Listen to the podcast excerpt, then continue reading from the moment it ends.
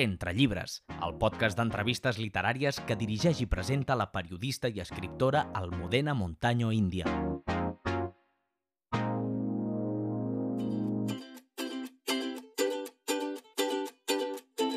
Si ara em preguntessin per què t'agradaria tornar a ser petita, una de les coses que diria ràpidament és per poder llegir tots els llibres actuals de literatura infantil i juvenil, quan jo era una nena no hi havia tot aquest ventall d'obres tan bones, tan ben escrites i amb unes il·lustracions meravelloses. Estic enamorada dels llibres per a nens i trobo que molts tenen una qualitat sorprenent, que es nota que al darrere hi ha una enorme feina d'un gran escriptor.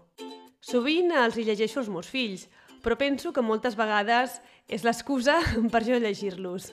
M'apassionen, així que no us sorprendrà saber que avui estic molt contenta perquè entrevista una escriptora de llibres infantils, la Gemma Ciuró, qui a més és pedagoga i dirigeix una biblioteca pública. Amb la Gemma aprendrem avui molts secrets de la literatura infantil. Ella és una experta en recomanar llibres i contes, així que avui estic frisosa perquè ens digui quin ens aconsella. Jo us llegiré un fragment del conte que acaba de publicar, que es titula En Joan somia truites.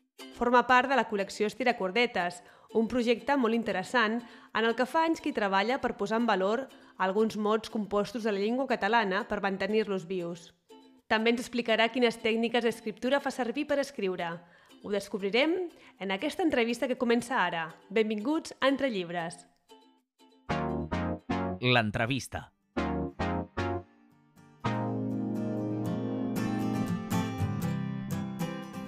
La Gemma Ciuró està al capdavant d'una biblioteca pública des de fa 36 anys. Durant aquest temps han passat per ella milers de llibres i contes. Ha recomanat i llegit molts d'ells i just ara ha fet el pas per escriure una col·lecció de 10 contes on la llengua catalana és la protagonista. Compten amb unes il·lustracions molt divertides i tendres que ha dibuixat la Núria Colom, historiadora de l'art, il·lustradora i bibliotecària.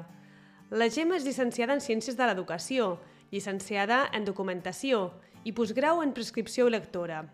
També és autora de la web bibliopedagogia.es, on posa en valor el paper educatiu de la biblioteca i forma part del Consell Editorial de la revista Ítem, de Biblioteconomia i Documentació.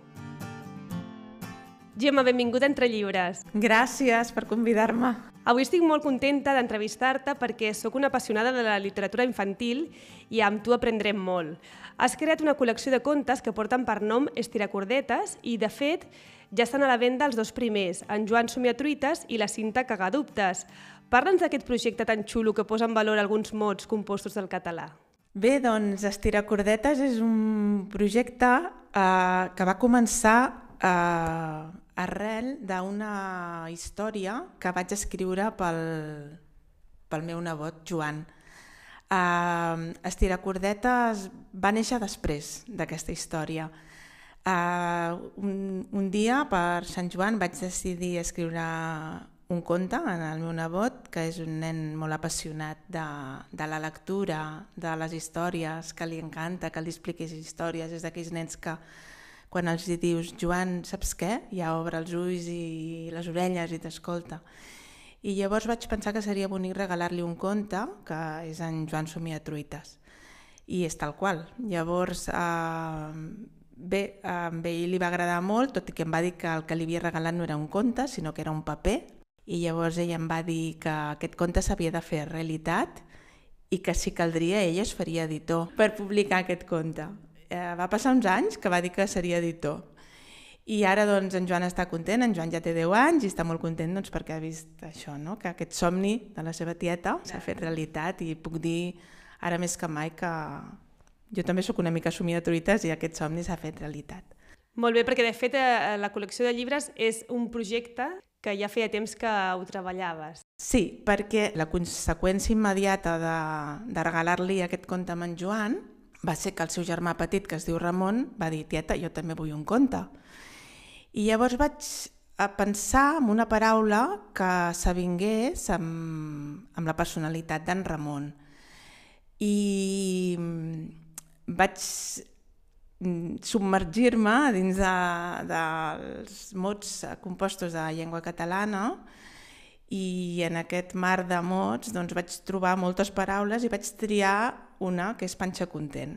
I per aquest camí doncs, vaig trobar-me moltes paraules molt interessants que vaig pensar que seria bonic de recuperar. Llavors, eh, d'aquí va sortir l'idea de crear la col·lecció Estiracordetes, que justament és una paraula composta que jo no coneixia i que vaig conèixer arrel de, de fer aquesta immersió en el, en el vocabulari en el vocabulari de la llengua catalana. No? I què vol dir estiracordetes? Un estiracordetes és una persona malvada. Però eh, era una, era una paraula que a mi mm, m'agradava la sonoritat que tenia i m'agradava, no sé, era una paraula que em queia bé, no? que, que m'encaixava molt i per fer la, la col·lecció i tot. Llavors vaig decidir a donar-li protagonisme a un dels personatges i de fet és la, la Laia Estiracordetes la que tanca la, la col·lecció.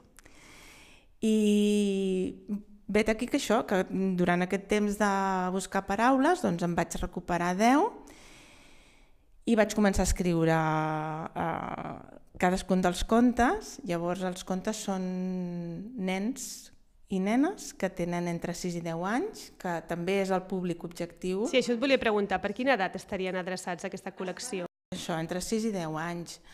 Uh, el pot llegir un nen que tingui una comprensió lectora adquirida, però tampoc fa falta una comprensió lectora brutal, vull dir, són àlbums il·lustrats amb, amb poca lletra, i, i també són contes que els pares els poden explicar a nens que no llegeixen encara, perquè jo crec que són de bon explicar.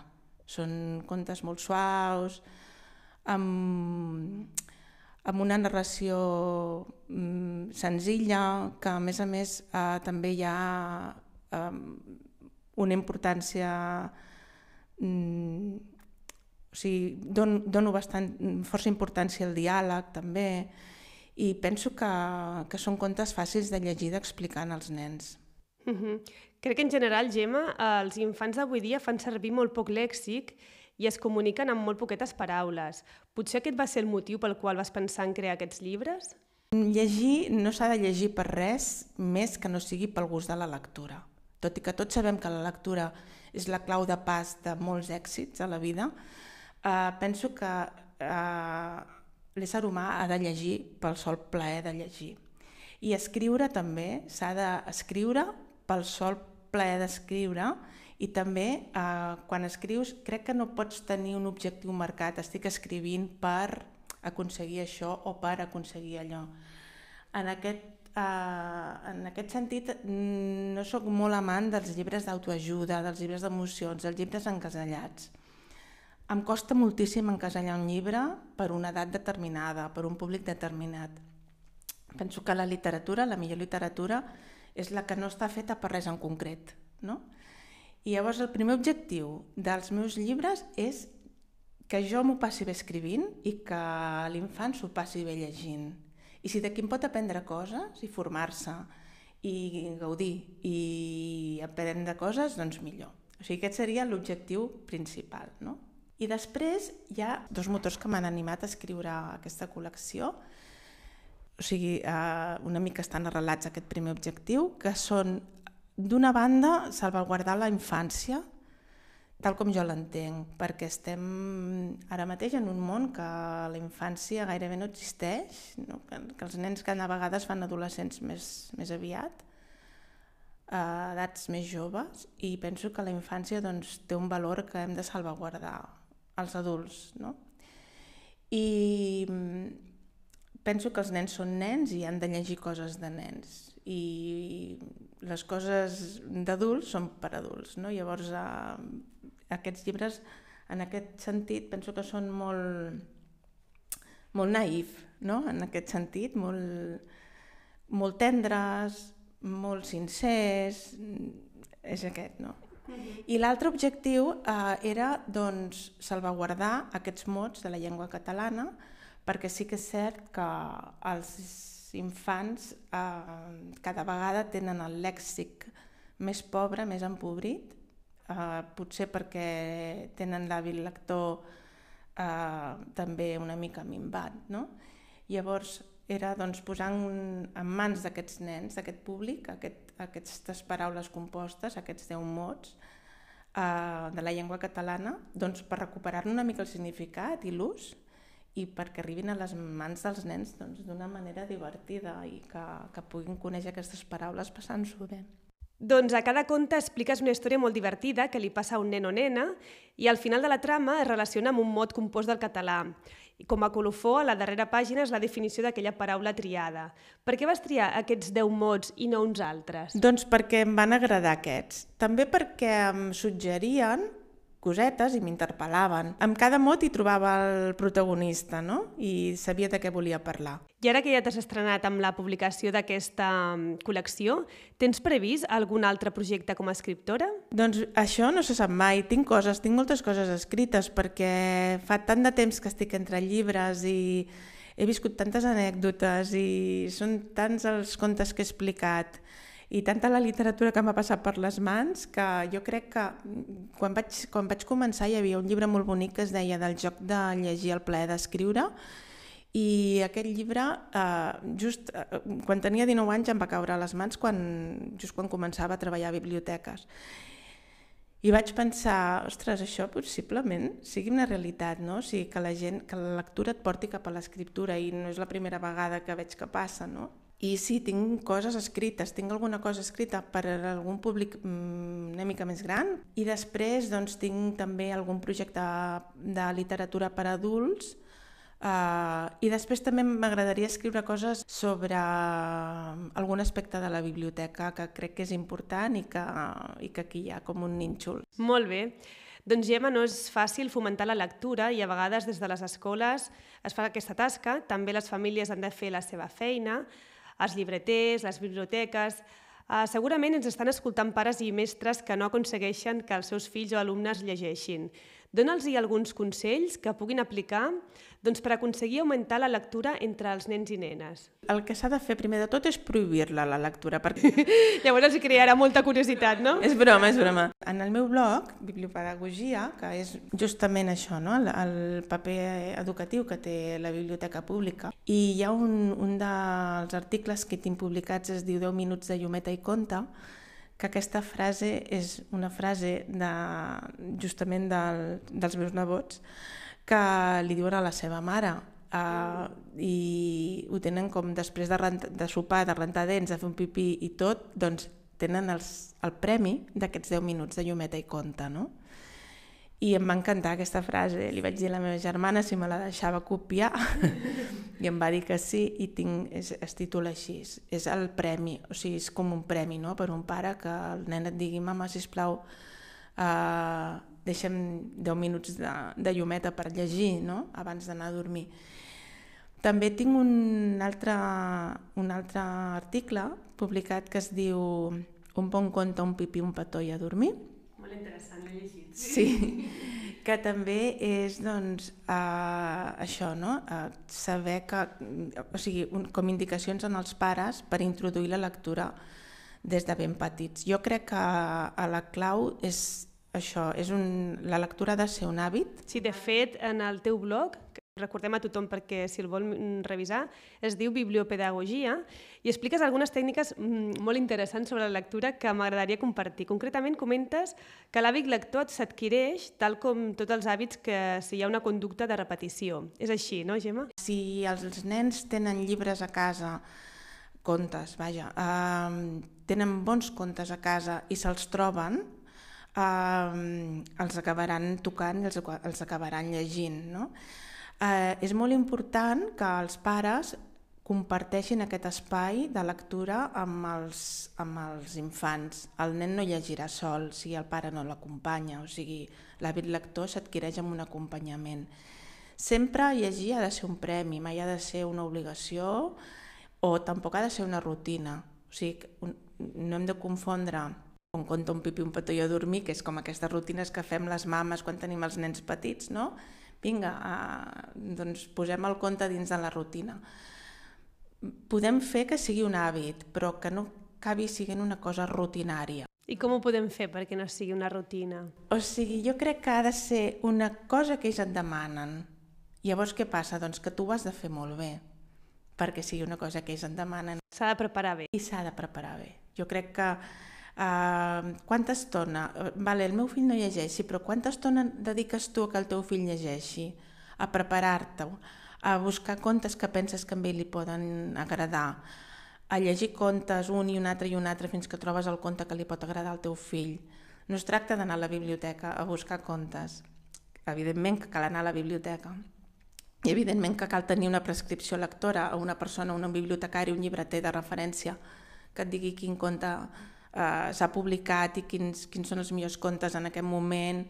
Això és evident, però al final el que, el que millor sap les necessitats del seu fill és el propi pare, la pròpia mare. Llavors penso que has d'anar que has d'anar a um, dedicar-hi hores, no? dedicar-hi temps, mirar què li agrada al teu fill, com és el teu fill, quins temes, els, quins temes li agraden, que, que l'interpel·la no? en el teu fill i llavors eh, segur que trobaràs el, el moment per gaudir d'aquesta estona de lectura. Eh, jo penso que els pares quan anem a buscar llibres o bueno, els bibliotecaris, no? O, no sé, eh, qualsevol persona que vagi a buscar a comprar un conte eh, ha de pensar que ha de comprar el millor. És com quan tu vas a la carnisseria veus que hi ha tres trossos de carn i li dius a la carnissera no, perdona, aquesta no, em pots posar aquella? Doncs, per què? Doncs perquè tu pel teu fill vols el millor, no? Vols el millor tros de carn, vols el millor enciam... No serveix qualsevol llibre. No, si tu vas a comprar una safata de maduixes, doncs triaràs les més maques, no? No triaràs una safata de maduixes qualsevol. Doncs referent amb això que, mm, que deies del temps que requereix de la lectura, remarques al teu blog una frase molt encertada i és aquesta. Llegir vol temps, ensenyar a llegir vol temps i contagiar el gust per a la lectura, a més de temps, necessita passió. Ens enamorem d'aquelles coses que ens apassionen, que ens sorprenen, que ens agraden, que no ens deixen indiferents. Per tant, hem d'aconseguir transmetre aquesta passió als nostres fills. Uau, que interessant, Gemma! És així, o sigui, si tu no tens passió per una cosa, és que no la podràs transmetre.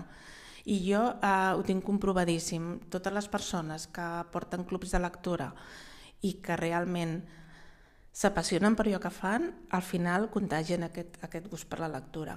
I llavors és molt important també, una vegada s'hagi consolidat aquest hàbit lector, no abandonar-lo, perquè eh, es tendeix a abandonar els nens quan ja tenen, quan l'hàbit, o sigui, quan la lectura es converteix en una, en una feina escolar, aquí és quan hi ha l'impàs més important, perquè llavors la lectura deixa de ser un joc els nens ja no van a la biblioteca a, a llegir contes amb el papa o la mama, sinó que van a la biblioteca a fer deures o han de llegir obligatòriament.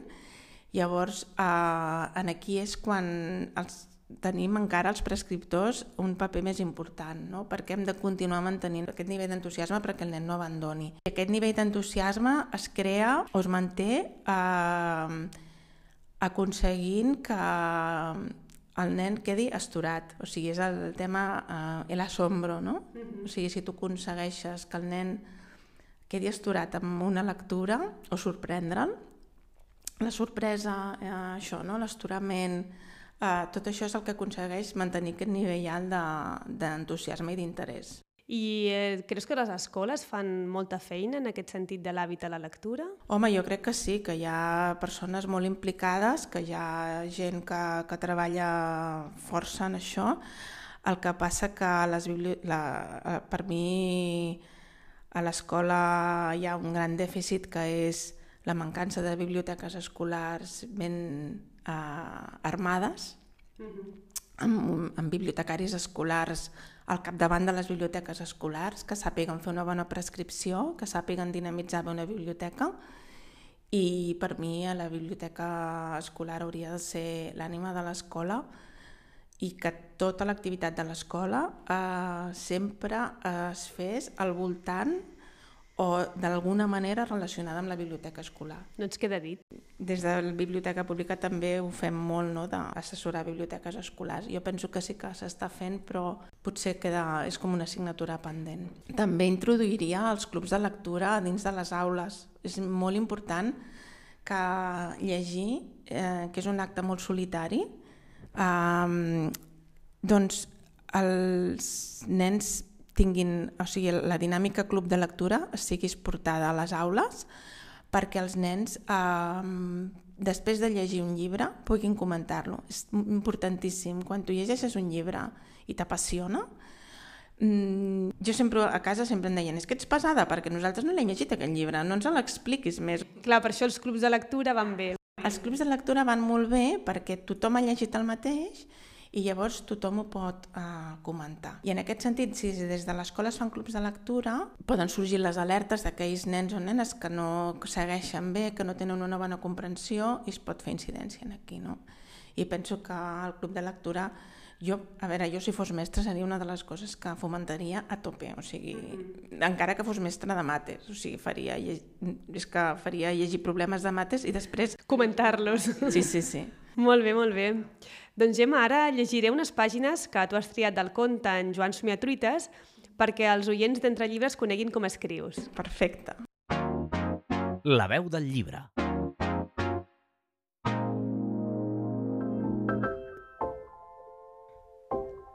En Joan i la iaia aquella tarda van posar en pràctica l'art d'inventar truites de tota mena, de bolets amb pinyons, de carbassa amb sobrassada, de formatge amb figues.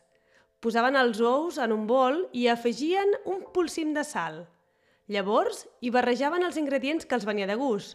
Abocaven la barreja a la paella amb un rajolí d'oli, encenien els fogons i llestos.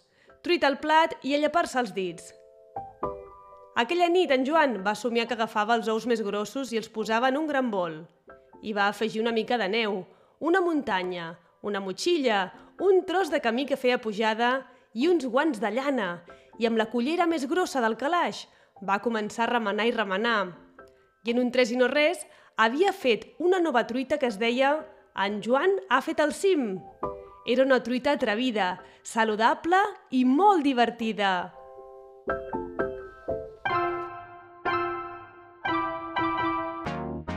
Novetats literàries. Gemma, com a experta en literatura infantil, quin llibre ens pots recomanar? Doncs mira, n'he preparat tres de llibres així que, que m'agraden, un per cada edat. De petits eh, vaig estar a la Fira de Bolònia i vaig tenir l'oportunitat d'anar a una llibreria de Bolònia preciosa de literatura infantil i juvenil especialitzada i vaig, ens van explicar el llibre El Fakir, el Fakir Cap de Tortell, que és un llibre preciós de la Teresa Porcela i a darrere hi ha el, el, el codi QR per baixar-te la música i és moníssim. És un llibre per petitons petitons, un llibre de cartró, però de veritat que és un dels llibres més macos que, que m'han caigut a les mans. Després m'he fet un far d'explicar contes i un dels meus preferits és El llop ha tornat, d'en Geoffroy de Penard, que és, eh, és un llibre molt divertit, mm, és ja antic, vull dir, no és dels últims editats. Tampoc és un clàssic, però sí que juga amb els clàssics. És un conte del senyor Conill, que està un diumenge còmodament a casa seva i surt a buscar el diari i a la primera pàgina del diari posa que el llop ha tornat. Llavors se'n va dintre corrents, tanca la porta i llavors van trucant a la porta eh, contínuament i van venint els personatges de contes de llops. O sigui, venen la Mare Cabra i les set cabretes, venen els tres porquets, ven Pere sense por, ve la caputxeta i l'àvia, i clar, el conill, doncs, ell que pensava passar un bon diumenge, doncs es troba amb la casa plena de gent, uns que corren, els altres que volen fer el berenar, la caputxeta que vol fer dinar per tothom, bueno, cada vegada que truquen a la porta es queden tots parats, morts de por, perquè pensen que realment és el llop i és un personatge més dels contes de llops. No? Llavors, al final, realment apareix el llop i no expliquem res més, no? que farem molt d'espoiler. Quan jo explicava contes, els deien als nens, què penseu que fan els personatges amb el llop? I aquí ho deixo. Molt bé, així creem una mica de sí. necessitat de lectura. I després ja per una mica més grans doncs no em puc deixar de, de recomanar mm, bueno, el, el mestre Dal, Roald Dahl, perquè, doncs, i bé, i ara que a sobre ens hem assabentat de que els estan censurant, doncs nosaltres estem en contra completament, no? Tot el, el món relacionat d'alguna manera no? amb la literatura infantil. Sí, s'ha creat molta controvèrsia, no?, perquè volen eliminar algunes paraules malsonants. Sí, i finalment el, el que estem fent és censurar uh, obres mestres no?, de la literatura. Quin recomanaries de Ronald Dahl? Dos, la meravellosa medicina d'en Jordi, que és brutal, i la Matilda. O sigui, són els dos els, els meus preferits. Matilda, doncs, perquè és un cant, és una alegoria a la lectura, és una alegoria al, a com es refugia aquesta nena no? en els llibres, aquesta nena que té aquest entorn tan hostil no? i tan lluny de, de la literatura i, per, i, i que te dona aquest cant d'esperança de que és possible que algú s'apassioni per la literatura tot i tenir un entorn hostil no? Mm -hmm. i que justament els llibres és la seva salvaguarda. I l'altra, la meravellosa medicina d'en Jordi, doncs perquè és super divertit veure com aquesta àvia que eh, jo ara que sóc àvia no, i que intento ser una àvia dolça, doncs mm, aquesta àvia com malvada, no? que, bé, que, que, que, que en Jordi, doncs, bueno, aquesta estona que passen junts, bueno, tampoc faré spoiler, no? Exacte però que bé, que, que és un Molt llibre divertidíssim i que jo no trauria el que, bueno, és que no li trauria ni la pols per no fer-lo malbé, o sigui que... Molt bé, doncs apuntarem aquests tres autors a la nostra llista de recomanacions. Val. I ara passem a la secció del taller d'escriptura per conèixer mm, les tècniques que has utilitzat per escriure aquests contes. Taller d'escriptura. Escrius directament a l'ordinador o en paper? En paper i després a l'ordinador. Normalment quan et ve una idea, o sigui, clar, què passa? Que no sempre porto l'ordinador, no? Llavors, i tampoc estic sempre a casa, llavors, uh, normalment quan em ve alguna idea xula l'apunto en el paper primer que trobo i després ja ho passo. Després quan estàs escrivint sí que és cert que després ja et poses a escriure a l'ordinador i igual doncs una altra cosa ja comences a crear-la a l'ordinador però normalment sempre hi ha el suport paper. I a quina hora del dia escrius? Doncs a mi m'agrada escriure a la tarda. A la tarda perquè és quan tinc temps lliure i de fet a, a, els caps de setmana també durant el, el matí no no sé, és el matí... Tot inspira. Sí, al matí és, no sé, m'encanta despertar-me, esmorzar tranquil·la, saps? I després a la tarda amb la calma del cafè, aquestes tardes llargues, no? doncs estic com més relaxada i, i més inspirada, potser. I escrius, ets una escriptora racional que penses molt abans d'escriure i et fas esquemes o escrius directament i després ho reescrius? Escric directament i després ho reescric, sí, sí. Quant de temps has trigat en escriure aquest llibre? No t'ho sabria dir, eh? perquè de fet en Joan Somiatrull ha sigut un procés molt llarg, no? llavors, no sé, uh, per escriure un d'aquests llibres, uh, escriure'l en si, cada conte, igual puc estar un parell de mesos, dos, tres mesos. Uh, però a refer-los hi estaria eternament. Sort que ja s'han publicat, perquè si no, potser encara canviaria coses, no? Perquè quantes vegades llegeixes el que has escrit fins a aconseguir la versió definitiva? No et puc dir un nombre exacte, perquè depèn. Val a dir que eh, en la col·lecció Estira Cordetes el 50% eh, eh, la idea va ser meva i la col·lecció la vaig inventar jo, però no hauria sigut possible sense el treball de la Núria que ha posat l'altre 50%, no? La il·lustració. La il·lustració, exacte. La il·lustració en aquests contes és tan important com el text.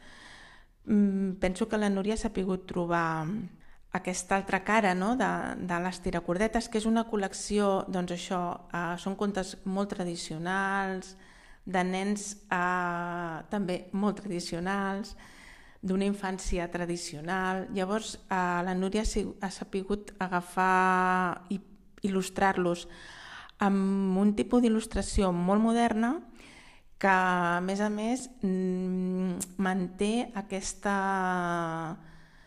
aquesta suavitat que jo li vaig demanar. No volia una il·lustració moderna i estrident. Mm -hmm. I ella doncs ho va captar la primera, o sigui, va ser la primera il·lustració ja em va agradar i vaig dir sí, sí, segueix per aquí perquè és el que, el que m'agrada. Sí, perquè són dibuixos divertits però molt tendres. Són molt dolços, però són molt moderns alhora, no? Llavors, això t'ho dic perquè fins i tot el dibuix em fa reescriure coses. Com ho vas fer? Primer vas escriure, li vas passar i després ho vas retocar. Li vaig passar amb ella, mm, ella també és bibliotecària i ens vam conèixer arrel d'u- d'una companya bibliotecària que coneixem les dues i va ser enviar-li els textos amb ella i, bueno, amb la responsabilitat que això comporta també, no? Perquè, clar, és com dir uh, què passa si no li agrada? Llavors, és clar, va ser com... A ella li van agradar molt i llavors a mi em van agradar molt els dibuixos. Però els, els dibuixos fan que jo a vegades em torni a rellegir els contes i, i alguna cosa que ella no veu clara també em fa veure, doncs mira, Gemma, això també ho podries canviar, o sigui que al final acaba sent un treball en equip interessant. Molt bé. I qui llegeix els teus textos abans de publicar-los? A la família, sempre a la família. En què t'inspires? En què t'has inspirat per crear l'argument de- d'aquests contes? El primer, en Joan, ja he comentat, el tenim nebot? clar, que és en Joan, és el, en Joan Brugat, Sí. que I és la el meu resta? nebot. També en algun I la personatge? resta, eh, alguns estan dedicats a persones concretes i d'altres no. I jo m'atreviria a dir, després de llegir-lo, que la cinta que haga dubtes és sóc jo. Sí. Jo crec que sí. No es diu Gemma, es diu Cinta, perquè em va sortir així, però realment m'hi veig molt identificada. Molt bé. Llavors has de fer un programa de ràdio, no? Perquè no ho desvetllarem, però va, va d'això també. Molt bé. Perquè, i, el, I la resta també són alguns personatges basats en fets reals, en Sí, n'hi ha que sí, n'hi ha que no, que són totalment inventats. Però sí que és cert que en cadascun dels contes hi ha un tros de la meva motxilla personal. Clar. No? Mm, no sé, per exemple, la Cinta en algun moment es, es pregunta si ha de ser bibliotecària, no? O, mm, si, ha de ser, si ha de fer ballet, petites pinzellades de la meva vida, no? que, que estan per aquí, si ha de ser tenista, és, doncs el tennis, el ballet, les biblioteques, tot això són coses pinzellades de la meva vida, no? Igual que en Joan doncs, va buscar ous a casa de la iaia, doncs això també és una pinzellada de la meva vida. O sigui, Molt bé. jo crec que tots els contes hi ha una part de la motxilla personal, bueno, com en tots els llibres, no? Jo penso que al final els llibres poden no ser autobiogràfics, però sempre hi ha la petjada de l'autor allà. I on has après a escriure? Mm, soc autodidacta, no, no me n'ha ensenyat ningú. Jo escric perquè bueno, el meu pare... Jo crec que de tant llegir el meu pare. El meu pare sempre escriu, no ha publicat mai res, però sempre escriu i escriu molt bé. I de tant llegir-lo amb ell jo crec que n'he pres. Doncs, parlant d'aquest tema, la darrera pregunta és si penses que es pot viure exclusivament d'escriure llibres. Tant de bo. Tant de bo, ja ens agradaria a molts escriptors. Bueno, sí, suposo que hi ha gent que es guanya la vida escrivint, però jo ho veig difícil, no?, que, que jo em pugui guanyar la vida un dia escrivint. perquè, primer perquè per l'edat que tinc, no?, que de fet escric molt per, perquè tinc ganes d'escriure. I, I a més a més també de la part eh, de la literatura, la part comercial potser és la que menys m'interessa, tot i que em fa moltíssima il·lusió que els contes estiguin publicats i des d'aquí doncs, també vull donar un, les gràcies a l'editorial Onada que ha confiat en nosaltres des del primer moment i que els hi van encantar aquests contes i llavors doncs eh, penso que fan molt bona feina, els contes han quedat molt macos, l'edició és molt bona però que la part comercial, o sigui, no és, no és una no és una editorial que editi llibres comercials, eh, eh, saps? Que hagin de ser top, top sellers, top ventes, no, no. Aquí, no sé, jo penso que es mira més potser la qualitat, no? I això, no? El, el fet de que siguin contes singulars, no? Que s'apartin una mica de tot el que es publica. Molt bé, Gemma. Doncs ha sigut un plaer entrevistar-te. Ai, moltes gràcies. A mi també estic super nerviosa, eh? perquè és la primera vegada que em fan una entrevista com a escriptora. Què tal l'experiència? Bé? És estrany, sí, sí. Havia fet moltes entrevistes com a bibliotecària, però des d'aquesta banda mai. No, ha anat molt bé i he après moltíssim i segurament que has ajudat a molts pares i mestres a conèixer les pautes per fomentar la lectura. Sí, llavors qualsevol cosa que, si volen alguna, algun consell o alguna pauta o algun, no sé, o escriure'm, tan sols tinc el, en el blog, en el bibliopedagogia.es, en allà mm, hi ha el meu correu, vull dir que poden enviar-me un missatge en allà i estaré encantada d'ajudar i de compartir experiències.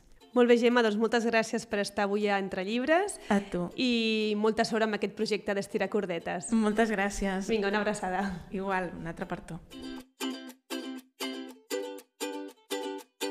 Recordeu que podeu escoltar el podcast a les principals plataformes de distribució, a Spotify, a iVoox, a Apple Podcast, Google Podcast i Amazon Music. Ah, M'agradaria molt que em deixéssiu algun comentari sobre què us ha semblat aquest podcast i els altres que he publicat. Això m'ajudarà a créixer i a potenciar aquest podcast entre llibres. Moltes gràcies a tots els oients i ens veiem a la propera, en 15 dies. Fins aviat! Entre llibres, el podcast amb entrevistes als escriptors del moment en llengua catalana.